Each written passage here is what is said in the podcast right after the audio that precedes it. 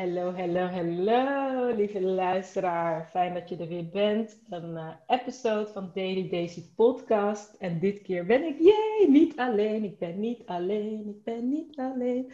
En het is zo grappig dat ik zo begin. Ik begin altijd heel erg intuïtief te spreken. En ik heb nu al het voorgevoel dat het gaat over je alleen voelen of je niet alleen voelen. En met wie ga ik het daarover hebben? Niemand minder dan Melanie Evere. Welkom. Dankjewel. Melanie, die uh, ken ik al een aantal jaar. Het is een powerhouse. Ze is uh, jong, fris, fruitig. Heeft een enorme scherpe visie op maatschappelijke bewegingen en trends. En zet zich echt in voor de meest uiteenlopende maatschappelijke onderwerpen, zou ik maar zeggen. Van vrouwen tot vrouwenemancipatie, tot zwarte vrouwenemancipatie, tot jongeren, tot wapengeweld. Van alles heeft ze gedaan in het dagelijks leven, toen ze voor het laatst bij mij op mijn pad kwam voor het Magic Leadership traject, was ze teamleider evenementen en communicatie. Het is een vrouw met een hele bijzondere track record en ik vind haar een hele krachtige vrouw. En op een gegeven moment, daar gaan we in dit gesprek ook meer over hebben, misschien net als jij, als jij luistert, ineens schuiven er dingen in je leven. En dan denk je, oké, okay, het begint een beetje wankel te worden. En wat moet ik nou? En um, ja, dan kom je Daisy tegen. Ja, of dan zoek je Daisy op. dan zoek je Daisy op. Herken je een beetje wat ik nu net zeg? Van, hey, je staat er, je doet je ding. Ja, en uh, je intro ontroert me, omdat je natuurlijk ook begon over uh, gezien worden of niet gezien worden. Alleen um, ja, en alleen daarin voelen inderdaad. En ja, door jouw intro denk ik, oh, jij ziet mij. Dus dan voel ik me ook niet meer alleen. Oh, wow. Ja, dus dat... Uh, nou mensen, dat was het voor vandaag. Fijne Doei! oh my god, like, oké, okay, we hit gelijk de kern. Okay. Ja. Wauw. Ja, dus ik wist eigenlijk al van tevoren, ik dacht, oké, ik, uh, ik vind het super... Uh, spannend, deze podcast, omdat ik weet dat ik met jou wel echt de diepte inga. Yes, je gaat er ook gelijk ja. Heerlijk, dankjewel, dankjewel. Dus uh, ja, maar ik herken het zeker, ja. oh my god, ik ga deze echt even pauzeren, omdat ik mensen een soort van aanloop nog wil even. Maar um, het is nu, als wij dit opnemen, februari 2021. We zitten al bijna een jaar in een lockdown. Ja.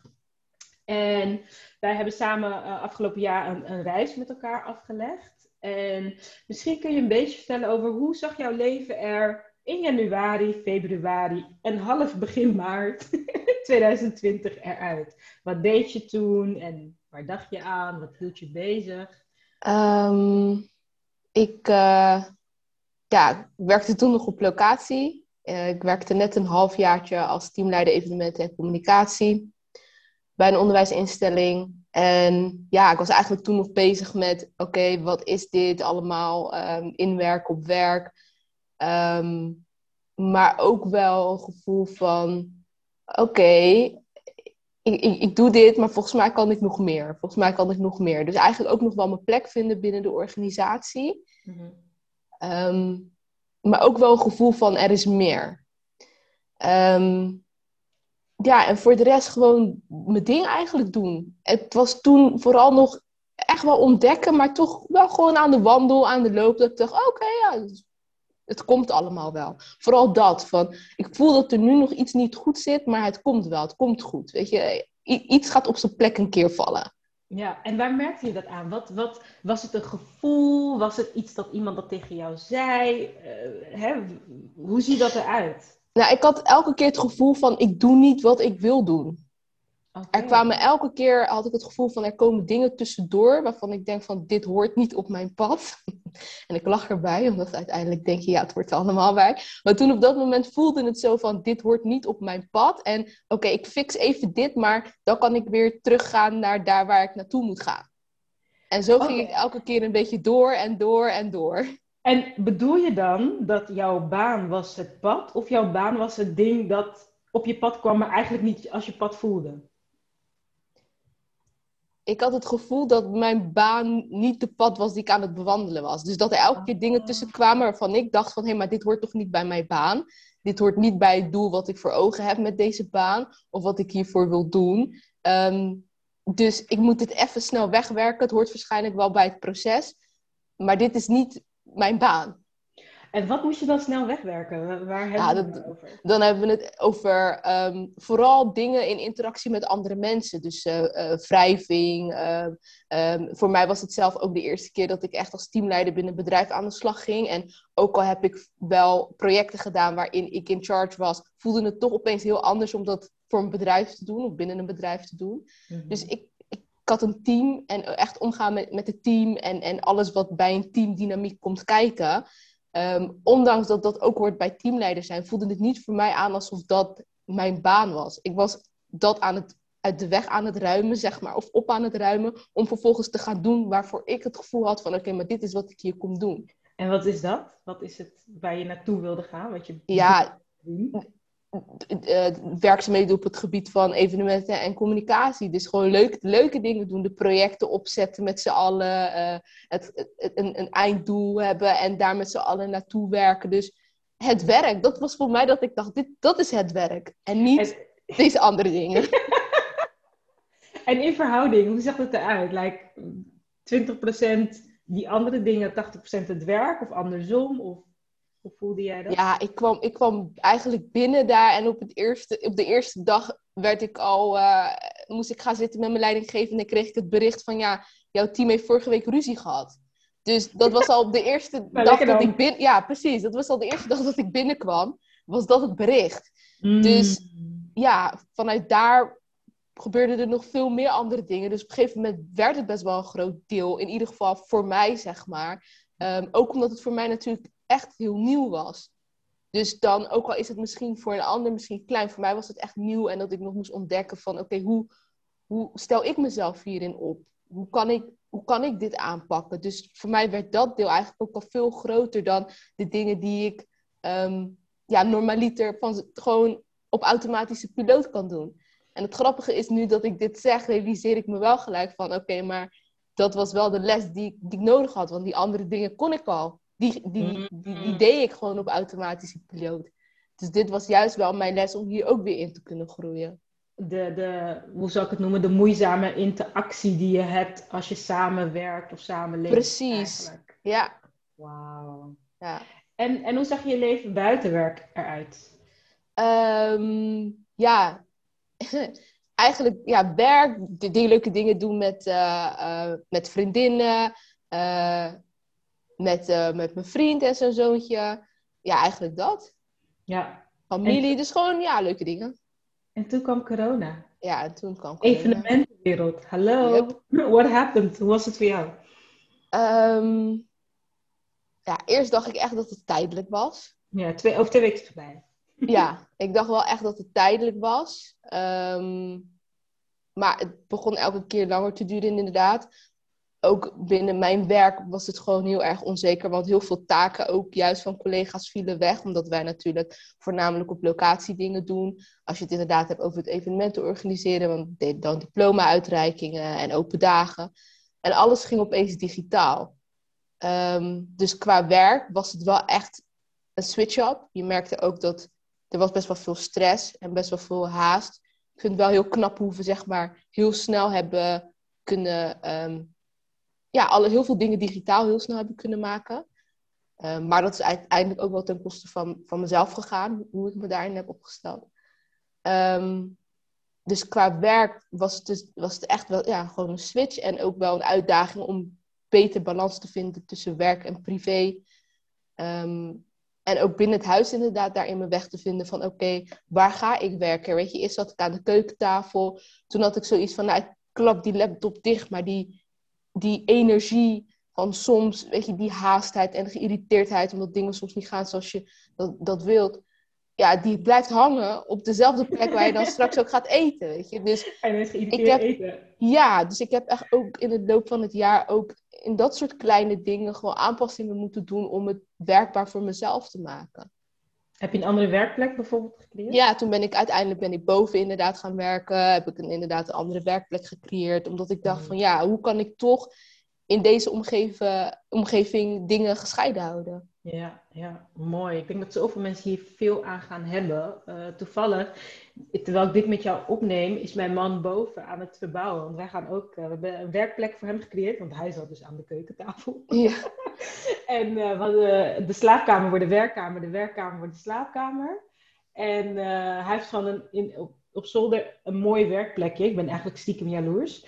Maar ik denk, oh, dit is echt fijn. Maar dat, dat doet iets voor de relatie en voor de energie thuis. En ik denk dat heel veel mensen dat onderschatten. Maar ik ben wel benieuwd, want je zegt, hè, ik voel de irritatie en, en dingen van, van binnen. Was dat een beetje ook het begin van jouw proces om ook meer naar binnen te gaan kijken het afgelopen jaar? Door, nou ja, wat je voelde rondom werk? Of was er een andere aanleiding? Mm, nou, ik, ik heb het gevoel, ik zeg altijd van, eh, ik heb het gevoel dat de reis naar mezelf begon toen ik eh, heb meegedaan aan de Miss Black Hair eh, verkiezing in 2016. Mhm. Ehm, maar het grappige is dat ik toen begon aan die reis en dat je dan ergens denkt van oké, ik wacht op het moment dat ik klaar ben, zeg maar. En nu, en nu kom ik er toch achter dat het gewoon, het is gewoon een ongoing process. Het is, ehm, ja, het, het gaat gewoon door. Er is niet een moment dat je af bent. Eh, de conclusie die ik heb getrokken met iemand die, die me heel dierbaar is, is, is waarschijnlijk is het proces pas afgerond als je dus inderdaad klaar bent met wat je moet doen op, op deze wereld. Ja, En tot die tijd is het gewoon gaan en, en, en, en, en wel een soort van basis voor jezelf proberen te creëren, spirituele basis. Maar alles wat op je afkomt is toch, ja, het, het komt en het gaat en alles gaat ook weer voorbij. En hoe zag jouw beginpunt eruit? Want misverkiezing vind ik echt, ik vind het zo tof dat je dat zegt. Want bij misverkiezing hebben mensen juist het beeld. Gaat om de buitenkant. Wie heeft de mooiste bikini? En wie geeft het mooiste antwoord op? Weet je, wat wil jij voor de wereld? Ehm, maar als jij, je, je gebruikt ook het woordje spiritualiteit en dat triggert mij. Dat koppel jij aan Miss Black Hair. Wat is daar dan voor jou geopend of ontwaakt of geshift? Ja. ja, het is ook grappig wat je zegt inderdaad over misverkiezing. Want een filosofie was ook van, het gaat om niet inderdaad om het mooie en waar misverkiezing meestal over gaat, maar het gaat echt om, om jezelf. En eh, ja, daar werden eigenlijk vragen gesteld die niemand mij ooit had gesteld.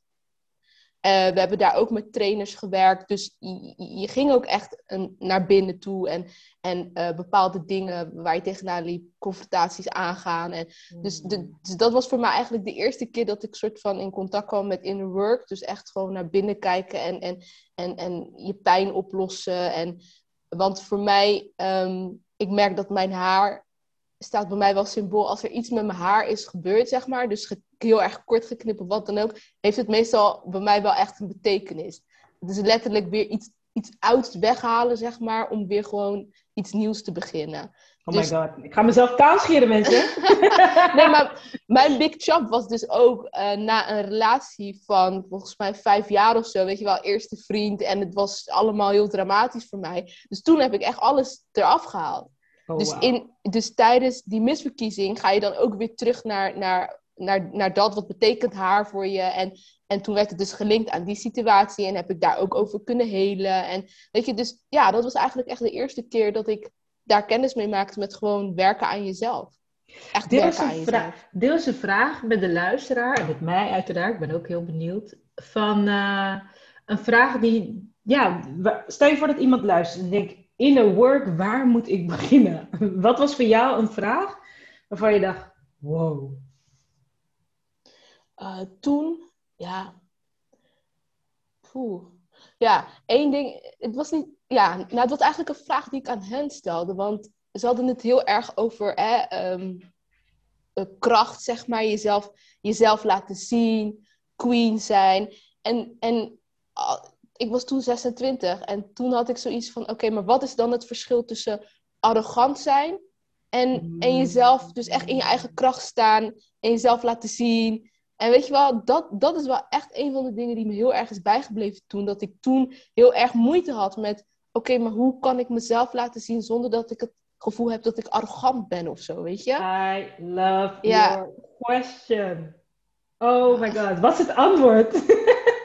Nou ja, volgens mij, het is al heel jaartjes geleden. altijd tegen mij wel gezegd van ja, daar, daar zit wel echt een verschil in. Want het gaat gewoon over owning, weet je, van owning yourself, wie jij gewoon bent en daar mag je trots op zijn. En niet oh. dat als jij bent wie je bent, dat je daardoor arrogant bent. En nu heb ik zoiets van, ja, je moet sowieso niet heel veel aantrekken wat andere mensen van je vinden. Want iedereen vindt wel iets van iemand. Het gaat er gewoon om dat jij zelf, ja, dat jij zelf in jezelf gelooft en gewoon show up zoals je bent. Oké, ik word helemaal like, ah, goosebumps, alles. Omdat dit zo een kern en essentie raakt van mij. En, en ik, hè, ik worstel met bescheidenheid en zelfvertrouwen. Daar gaat mijn journey over. Maar ik weet van heel veel vrouwen. In de community hebben we het hier vaak over. Van, oké, wat als je alles, als je hebt scheid aan iedereen en je doet waar je zin in hebt, wat dan? En dan komen de mooiste dingen naar voren. Maar we doen het niet, want dan gaat de ander een oordeel over ons hebben. Dan kan de ander ons afwijzen. Dan gaat de ander wat van ons vinden. En we willen de ander niet overroelen. Dus het is een soort van, I don't know, een dans tussen jezelf ownen en omarmen. En dat je dus je borst vooruit doet en daarmee zegt, ik ben beter dan jij. Maar dat is het vaak niet. Nee, dat is Ik ben benieuwd hoe jij het ziet. Hè? Want mijn ervaring is sowieso, nu verandert dat heel erg. Hè? Vrouwen eh, elkaar supporten en zo is nu normaal. Maar we komen wel van, als je als vrouw dus aan jezelf werkt en je bent slim. Net jij, je bent mooi, je bent slim en jij komt de kamer binnen. Dan is het echt van zo, kijk haar nou. Je hebt niks gedaan, hè? Je, je, mhm. bent er alleen voor jezelf geweest. Je wilde er goed uitzien. Je hebt je best gedaan qua studie, qua werkervaring, vrijwilligerswerk. Je hebt je uren erin gestopt. Je komt binnen, één shining star. En mensen hebben al 20.000 meningen over jou. Dan denk ik, you own yourself. Waarom krijg jij dan die stempel voor arrogantie? Hoe, hoe zie jij dat? En hoe kunnen wij daar als zelfverzekerde vrouwen beter mee omgaan, denk je? Als degene, geholpen. Als, die, als degene die zeg maar in, in de spotlight zaken staat op dat moment. Ja, ja. Ja, ik denk dan gewoon van door dicht bij jezelf te blijven. Weet je, jij, jij weet wie jij diep van binnen bent.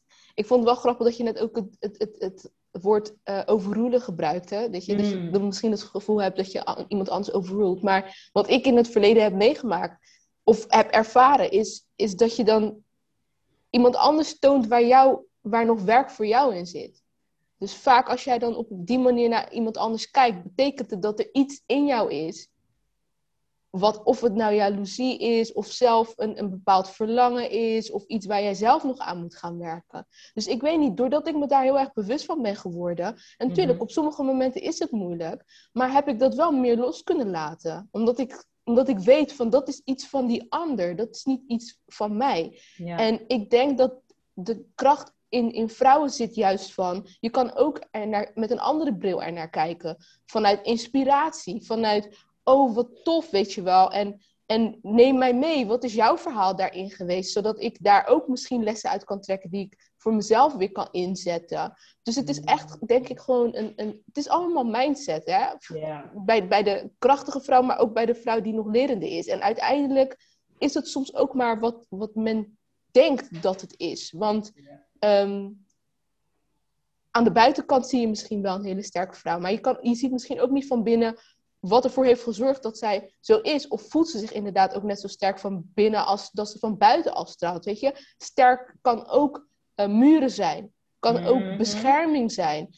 Dus ja, het, het, is, het is veel, soms zoveel meer dan, dan op het oog in de eerste instantie te zien is. En ik denk juist door met elkaar in gesprek te gaan en je kwetsbaar op te stellen, dat, je, dat je daar dus wel achter komt van oké, ja, wat is het verhaal? Want het is niet allemaal in één dag gebouwd. Ik ben, ik ben ook nog steeds niet klaar. Dus. Je bent nog steeds die muur aan het afbrokkelen. Ja, zeker. Laten we eens die kant op gaan. Want ik vind het wel mooi dat je zegt van uh, sterk aan de buitenkant, misschien voel je niet zo aan de binnenkant. Ik herken dat verhaal.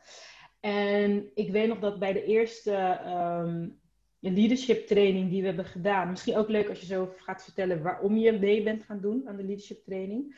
Maar ik weet nog die eerste trainingsdag, dat ging over purpose. Waarbij ik dus ehm, eigenlijk jou in je kracht heb gespiegeld. En ook de andere leaders. Hè? Dus, dus gewoon te laten zien wat er al is. En jij dus ineens jezelf zag.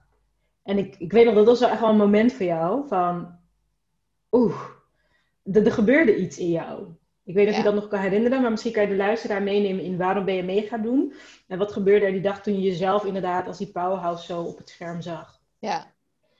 Ehm, ik heb meegedaan omdat ik, omdat ik weer onrust voelde als het gaat om uh, werk. Ik heb nu eigenlijk al uh, drie keer in een situatie op werk gezeten dat ik dacht van... Um, Oké, het is weer niet wat ik in de eerste instantie had gedacht dat het was. En later ben ik voor mezelf achtergekomen dat, er ook, dat het ook komt door hoe ik me aan, de, aan het begin opstel. Weet je, ik ben er nu wel achter een, een werk. Het is ook een relatie die je dus aangaat van beide kanten. Hmm. En ik weet niet of het iets is wat ik vanuit huis heb meegekregen of het cultureel is, maar ik ging er eigenlijk altijd in vanuit: ik mag al blij zijn dat. Weet je? In plaats van toetsen of het ook echt daadwerkelijk bij mij past. En niet alleen maar de functie, maar ook gewoon de mensen, um, de manier van werken, um, de, de, de, de relatie met je leidinggevende, uh, de verantwoordelijkheden. Weet je, dus veel verder gaan dan alleen maar die functieomschrijving. Maar gewoon echt het gesprek aangaan als een date, waarin je dus kan uh, bij een sollicitatiegesprek al kan checken van is het gewoon echt een match of niet. En echt van twee kanten. Um, dus ik kwam er weer achter dat ik weer een vast contract had gekregen. Dus wel mijn best deed. Of ja, in hun ogen ook wel als toegevoegde waarde werd gezien. Maar dat ik dus niet weer op een plek was waar ik eigenlijk wilde zijn. Dat ik weer het gevoel had dat ik veel meer kon dan wat ik op dat moment aan het doen was. Um, dus dat leverde veel onrust op. Ja, en toen zag ik dus eigenlijk jouw leiderschapsprogramma voorbij komen. En in de eerste instantie was ik ook heel sceptisch, omdat um, ja, ik wist niet wat ik kon verwachten. En het is best wel een investering die je doet in jezelf. Maar ik wist totaal niet, als ik nu deze centjes erin stop, wat rolt er dan aan het eind van het traject eruit? Dus ik was echt heel sceptisch in het begin. Maar ik dacht, weet je, ik ga het gewoon doen en, uh, en we zien het wel. Um, ja, en uiteindelijk ben ik daar echt heel super dankbaar voor. En heb je een dikke fan uh, erbij gekregen. maar, die, maar die opdracht, wat het, wat het met mij deed, en dat vond ik heel, heel grappig. Want je, je stelt die vraag ook aan de andere teamleden. En ik merkte dat zij antwoord gaven op het niveau waar ik dus mezelf aan het laten zien was. En ik merkte dat dat dus ook niet echt prettig bij mij voelde. Want ik dacht, ja, dit is niet wie ik ben of wie ik wil zijn. Hmm. En, en jij kwam met, met een hele andere blik en juist de blik die ik ook echt wel in mezelf herkende en ook wilde zijn. Dus ook daar weer kreeg ik die, die erkenning en voelde ik weer van oké, ik word dus gezien. En ook wel een bevestiging van dat wat ik denk over mijzelf en wat ik te brengen heb, uh, wat ik kan bieden. Iemand anders ziet dat dus ook, weet je? En het klopt of zo. Oh, dit is zo mooi, want dit is meer een onderzoekende vraag. Hè? Want dat is natuurlijk hoe we begonnen ik ben niet alleen als ik gezien word. Dat, hè, dat, dat, is het gevoel. Waar komt bij jou dan het gevoel van uh, niet gezien worden? Mhm. Ik ben dus alleen. Hè, dat is de andere kant. Ja. Komt die bij jou vandaan? Hoe heeft dat in jouw leven zich ontvouwd? Dat jij dus vandaag de dag het gevoel hebt, of in ieder geval toen je begon aan het traject, ik voel me niet gezien, ik voel me alleen. Ja, ja, nou ja, het leuke is dat ik, of ja, het leuke, interessant is dat ik daar ook door het traject achter ben gekomen waar dat dus weer naartoe gaat. Mhm. Ehm, en dat het dus toch wel teruggaat naar, naar, uh, naar mijn jeugd en um, de relatie daarin uh, met mijn ouders. En um, ja, waar ik eigenlijk tot de ontdekking ben gekomen van ja, zij hadden ook hun eigen, eigen dingen die, die, die, waar ze tegenaan liepen. Op emotioneel gebied, op alles. Weet je, zij zijn natuurlijk ook kinderen van immigranten die, die naar Nederland zijn gekomen en hier een leven probeerden op te bouwen. Dus zij hadden ook al hun eigen bagage. En soms door hun eigen rugzakje ehm, had ik het gevoel soms dat ik werd vergeten daarin. Hmm. En dat is ook iets wat ik dus door het traject heb ontdekt. Um, waardoor ik dus ja, ook nu daaraan kan werken en die, die ehm, hoe noem je dat nou? Overtuiging die ik mezelf heb aangeleerd, aangepraat. Ja. Om daar iets mee te kunnen doen. En welke overtuiging heb je nu?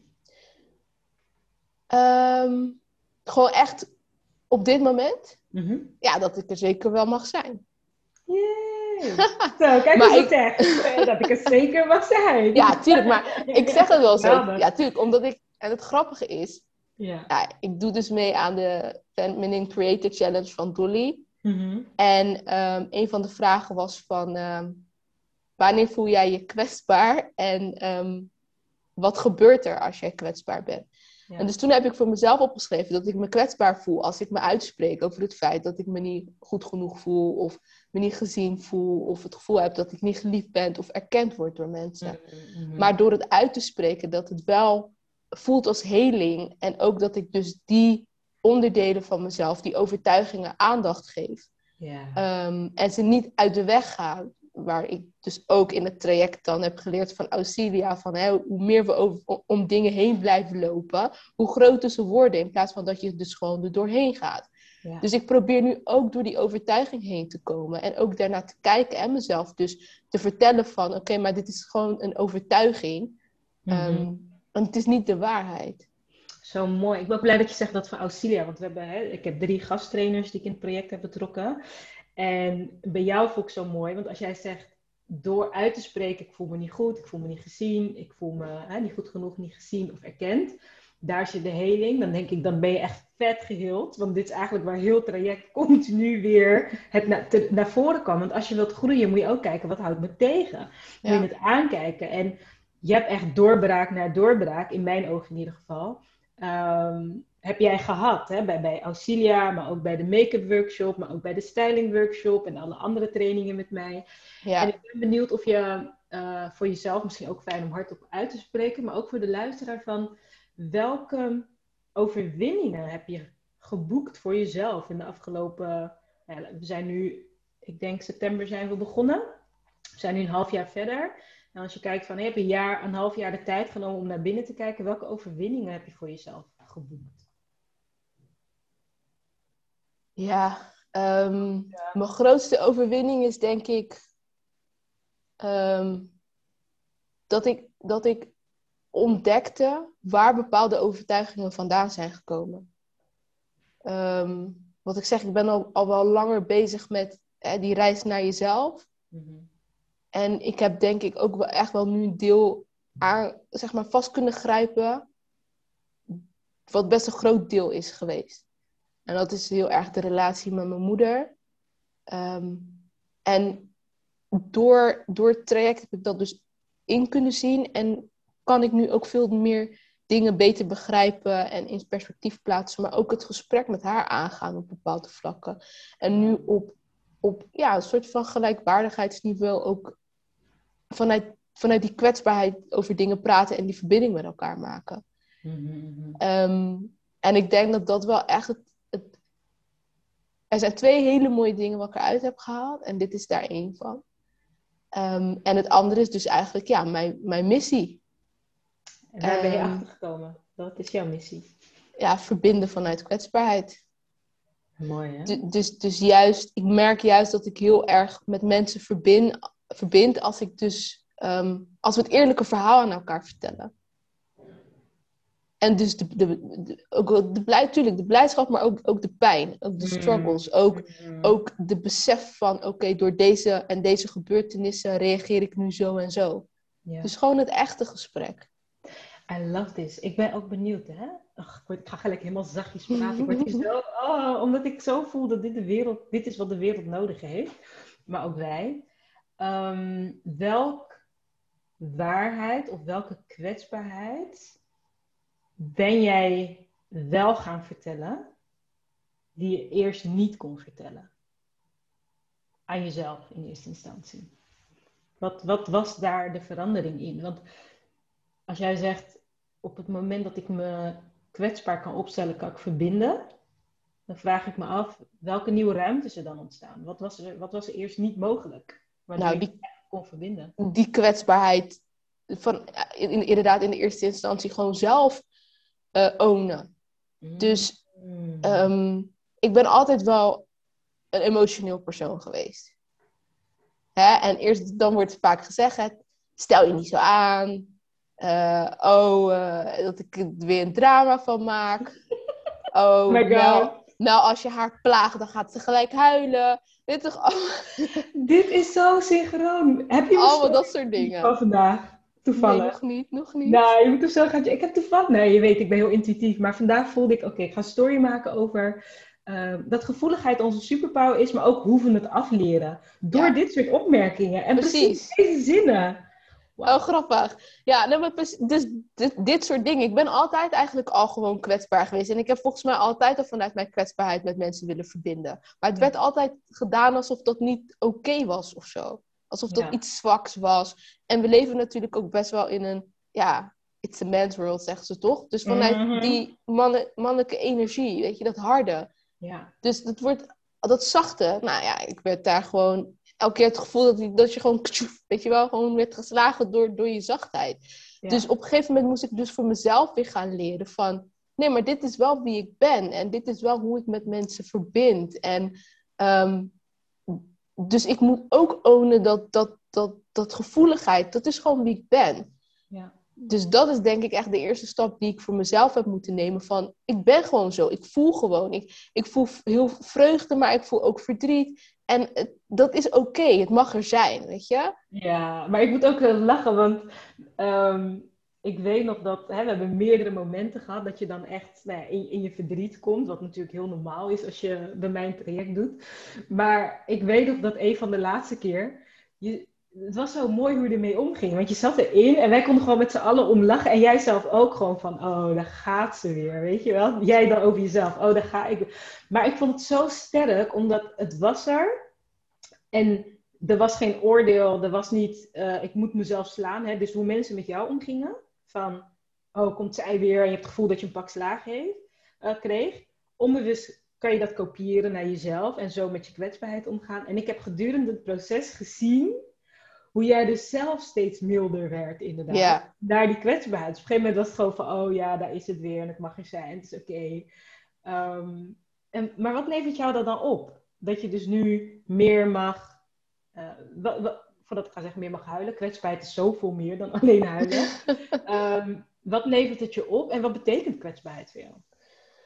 Ehm, ja, wat het me oplevert is denk ik gewoon ja, weer een stap dichter bij jezelf komen. Jezelf accepteren en jezelf liefhebben voor alles wat je, wat je brengt. Um, Dus hè, zoals we in het traject hebben geleerd, je licht delen en je donkere delen, het hoort er allemaal bij. Dus gewoon veel meer zelfacceptatie. En wat was je tweede vraag ook alweer? Wat betekent kwetsbaarheid voor jou? Sommige mensen zeggen, ja, ik wil wel meer kwetsbaarheid, kwetsbaar zijn. Maar wat is dat eigenlijk? Wat moet ik dan doen? Uh, ja, het is moeilijk te omschrijven, maar het is gewoon echt... Voor bij, jou? Ja, voor mij dan gewoon bij, bij jezelf blijven. Bij dat, dat, dat, die zachtheid, weet je, die... Heel, heel vaak, we proberen ons te beschermen tegen dingen omdat we bang zijn om, om pijn ehm, te krijgen, om, dat iemand ons pijn doet. En ik denk juist die dingen waar je bang voor bent om te laten zien, ehm, omdat je bang bent dat iemand anders je kan kwetsen, mhm. dat is hetgene wat kwetsbaarheid is.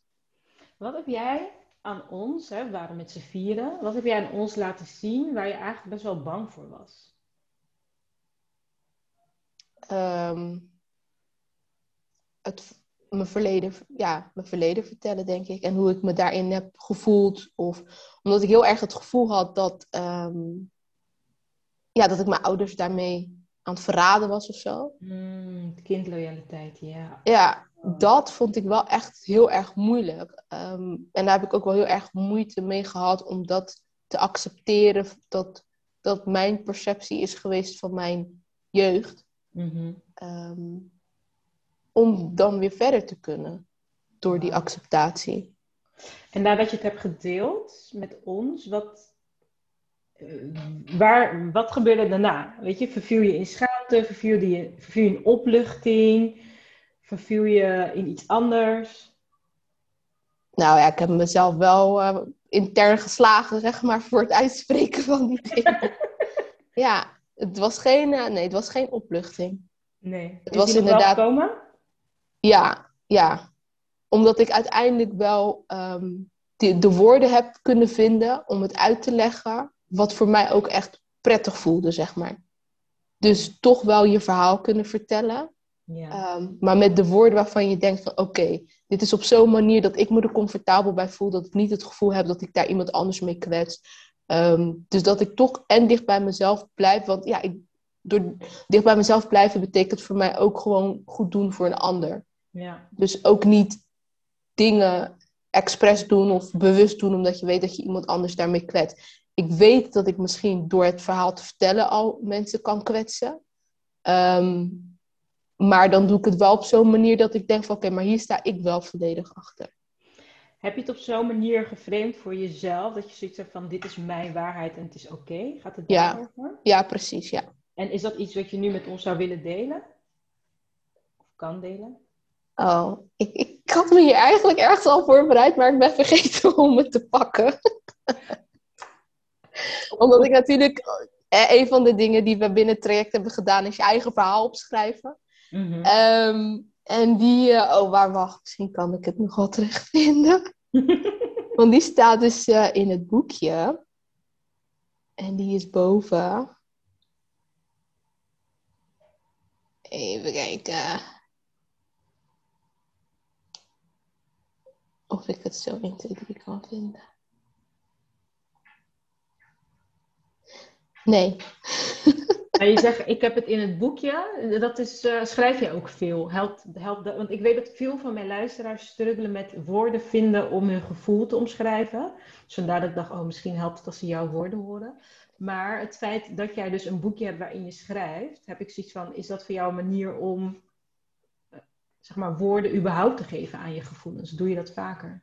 Ehm, nee, eigenlijk voor het traject deed ik dat, deed ik dat af en toe, maar het voelde meer als een verplichting. Omdat je hoorde heel veel over, eh, schrijf je gevoelens af, et cetera, et cetera, et cetera. Maar ik deed het nooit. En als ik het deed, dan, dan dacht ik, ja, ik voel het nu niet echt. Maar gedurende het traject heb ik ja, gewoon aantekeningen gemaakt van processen. En, en toen ben ik eigenlijk veel meer gaan schrijven en dingen op papier gaan zetten. Ja. En wat heeft dat Ja. je opgeleverd? Ehm, de reden ook waarom ik dus in de eerste instantie het moeilijk vond om dingen op papier te zetten, was omdat ik het gevoel had, op het moment dat, dat ik iets op papier schrijf, is het waar. Dus Mm. ook overtuigingen die ik over mezelf had, waar ik eigenlijk van af wilde om te ventileren, durfde ik niet op papier te zetten, omdat ik daarmee het gevoel had van, oké, het is waar wat ik mezelf aan het vertellen ben. En nu, Hoe bedoel je dat? dat stel je voor, ik, ik loop rond met de gedachtes, ik ben niet goed genoeg, niemand wil me horen, wat heb ik nou bij te dragen? Hè? De meeste gedachten waar mensen bij mij mee komen ja, eh, en die ik zelf ook herken. Dus als ik die gedachten heb, dan wil ik het niet op papier schrijven, want dan is het waar. ja, omdat het gewoon letterlijk zwart op wit staat. En dan is het confronterender dan Ja. alleen maar in mijn eigen hoofd. Juist. Oké, maar jij bent wel gaan schrijven. Is Ja. dat wat je bent gaan schrijven of zijn er andere dingen eigenlijk uitgekomen? Nee, nu merk ik wel echt van, ehm, ook weer in het proces van door dingen heen gaan, dat als ik het opschrijf, heb ik het gewoon van me afgeschreven. Dus zo kijk ik er nu naar, in plaats van, oh, dit is, het is waarheid wat ik op papier schrijf. Nee, ik wil dat het uit mijn systeem is. Dus daarom schrijf ik het nu op. Soms kijk ik er ook niet meer naar. Dan denk ik van, eh, heb ik toch ook in lelijk handschrift. Dingen die ik echt wil teruglezen en wil onthouden, dus schrijf ik in mooi handschrift. Dat ik het daadwerkelijk kan lezen.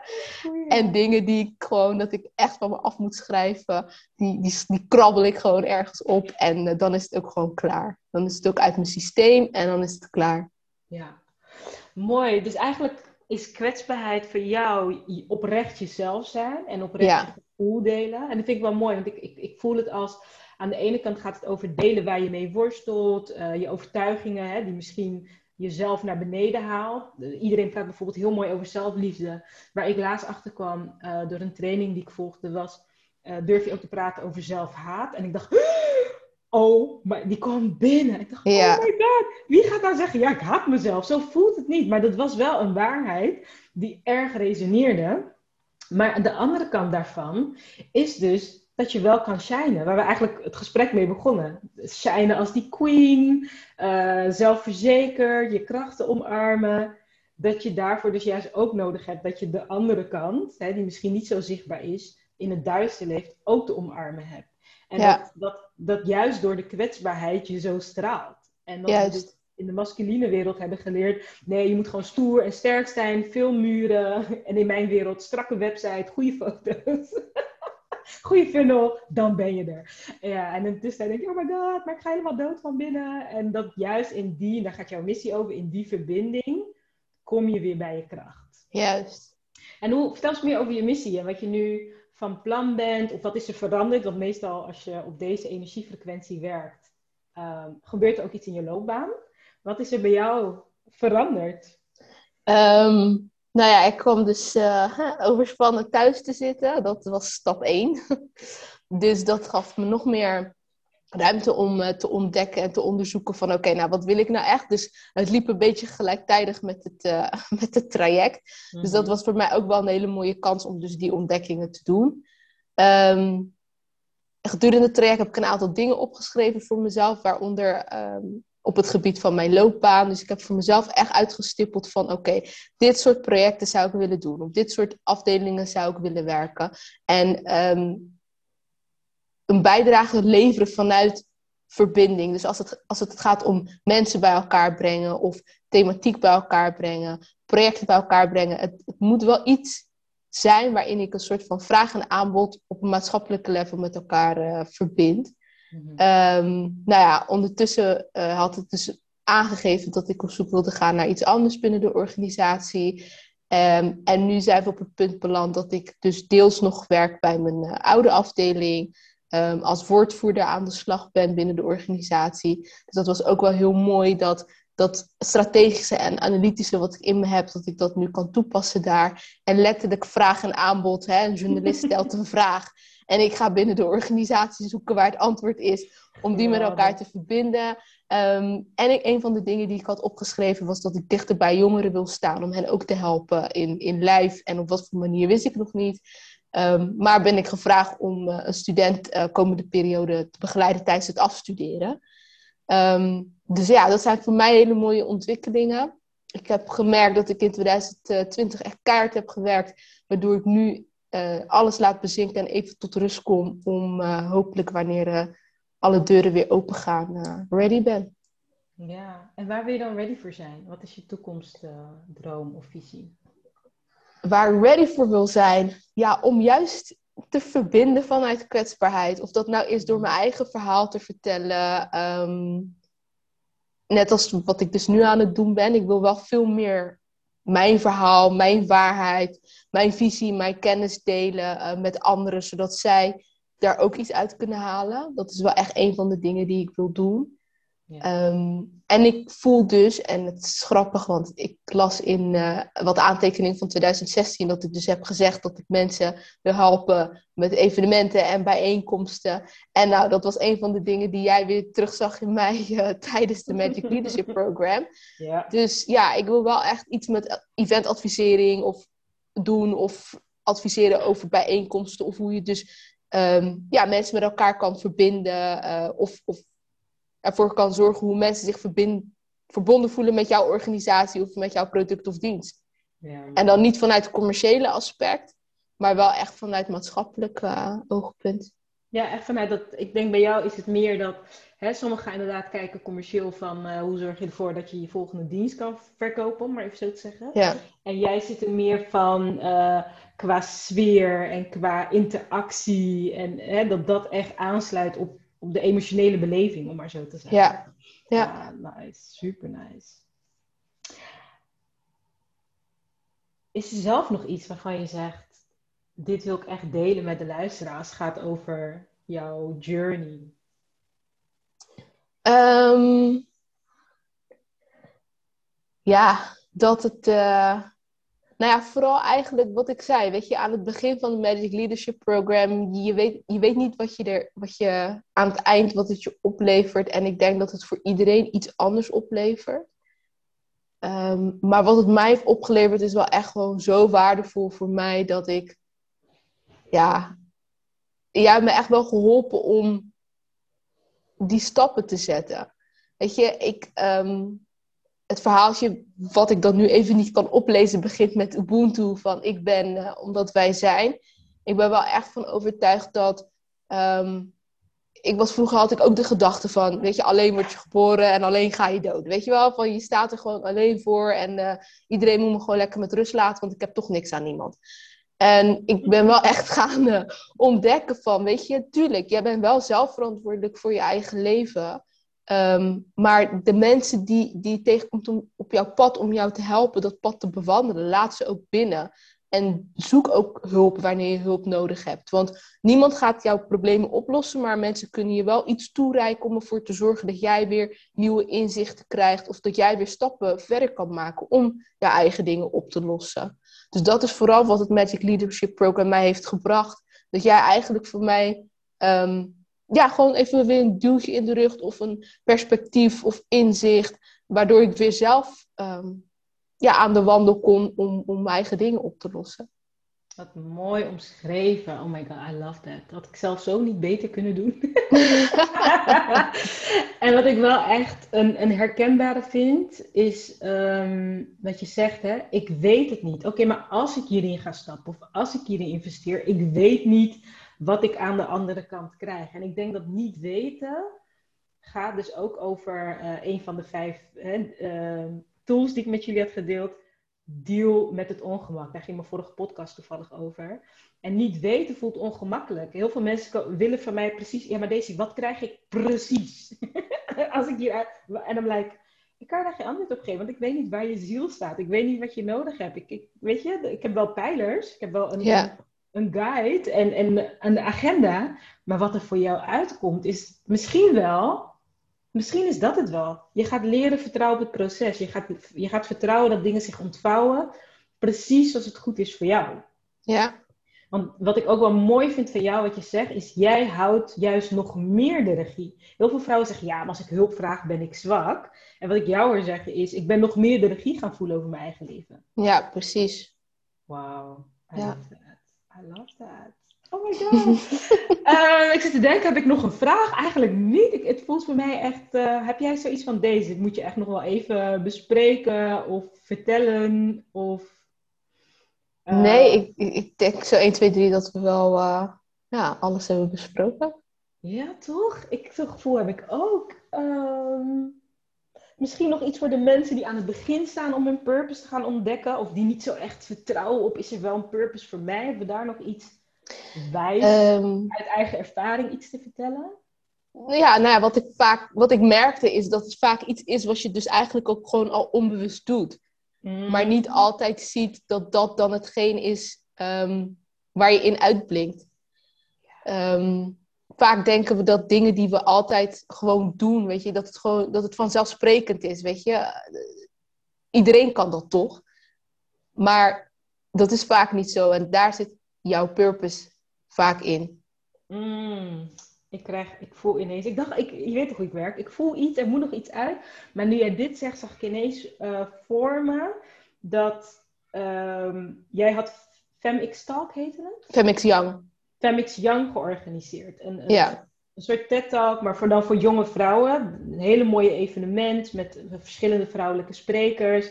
Ik ging daar mijn Friday Reflection uh, kaart verkopen en heb daar een korte speech. Het was mijn meest korte speech ever. Ik vond het wel een van mijn beste speeches, omdat die zo kort was. Dat was drie minuten kreeg ik van jou, want jij bent heel strikt.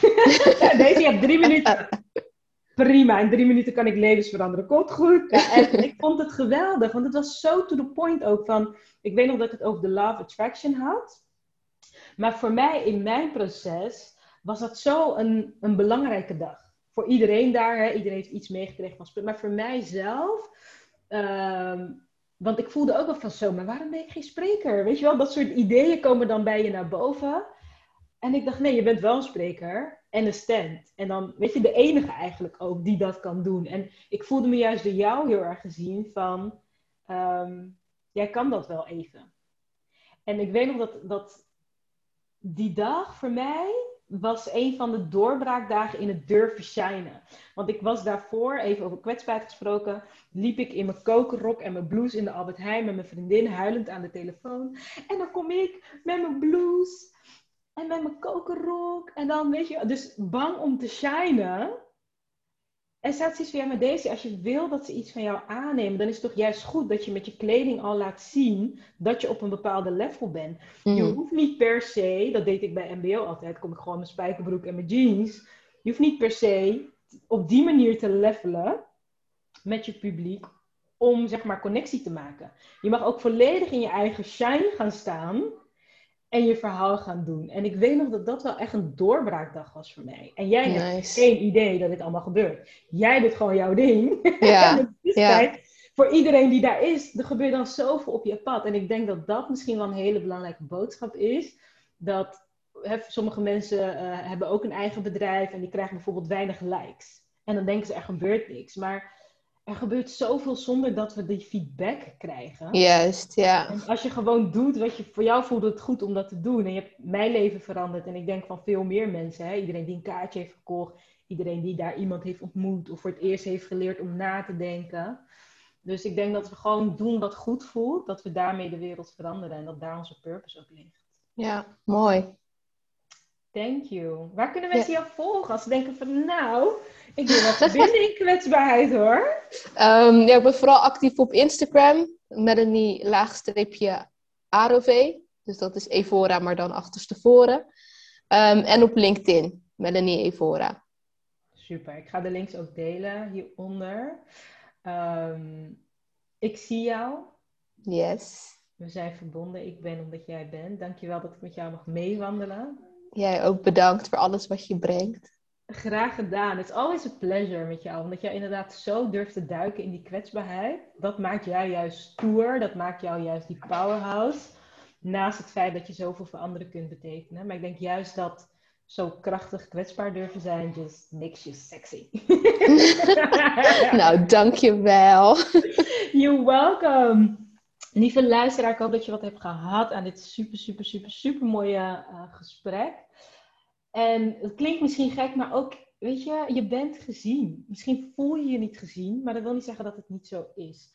En schrijf voor jezelf op, wat heeft jou het meest geraakt uit dit verhaal? Want dat is niet zomaar. En dan kan dat al een ingang voor je zijn als je voelt van, hé, hey, ik wil ook meer naar binnen gaan. Ik wil ook meer voelen. Of kijk even op mijn website. Ik heb op dit moment, als ik dit opneem, een gratis hoofdstuk dat ik uit mijn boek weggeef. En een videotraining erbij. Wat heel erg gaat over leefregels. Durf jouw eigen leefregels te veranderen. Hè? Misschien heb je allerlei nog overtuigingen, verplichtingen van vroeger meegekregen. Waardoor je nu, net als Melanie, een beetje, je voelt op een gegeven moment, ja, het klopt niet helemaal, het klopt niet helemaal, maar je weet niet wat het is. Kijk of het kijken naar jouw leefregels je gaat helpen om meer vrijheid te voelen in het dagelijks leven. Ik gun het je van harte. Je kunt het downloaden via desitavega.com slash doe wat je wilt. Ik zal de link ook in de omschrijving zetten. En ik zou zeggen, doe ook wat je wilt. Tot de volgende keer. Ciao.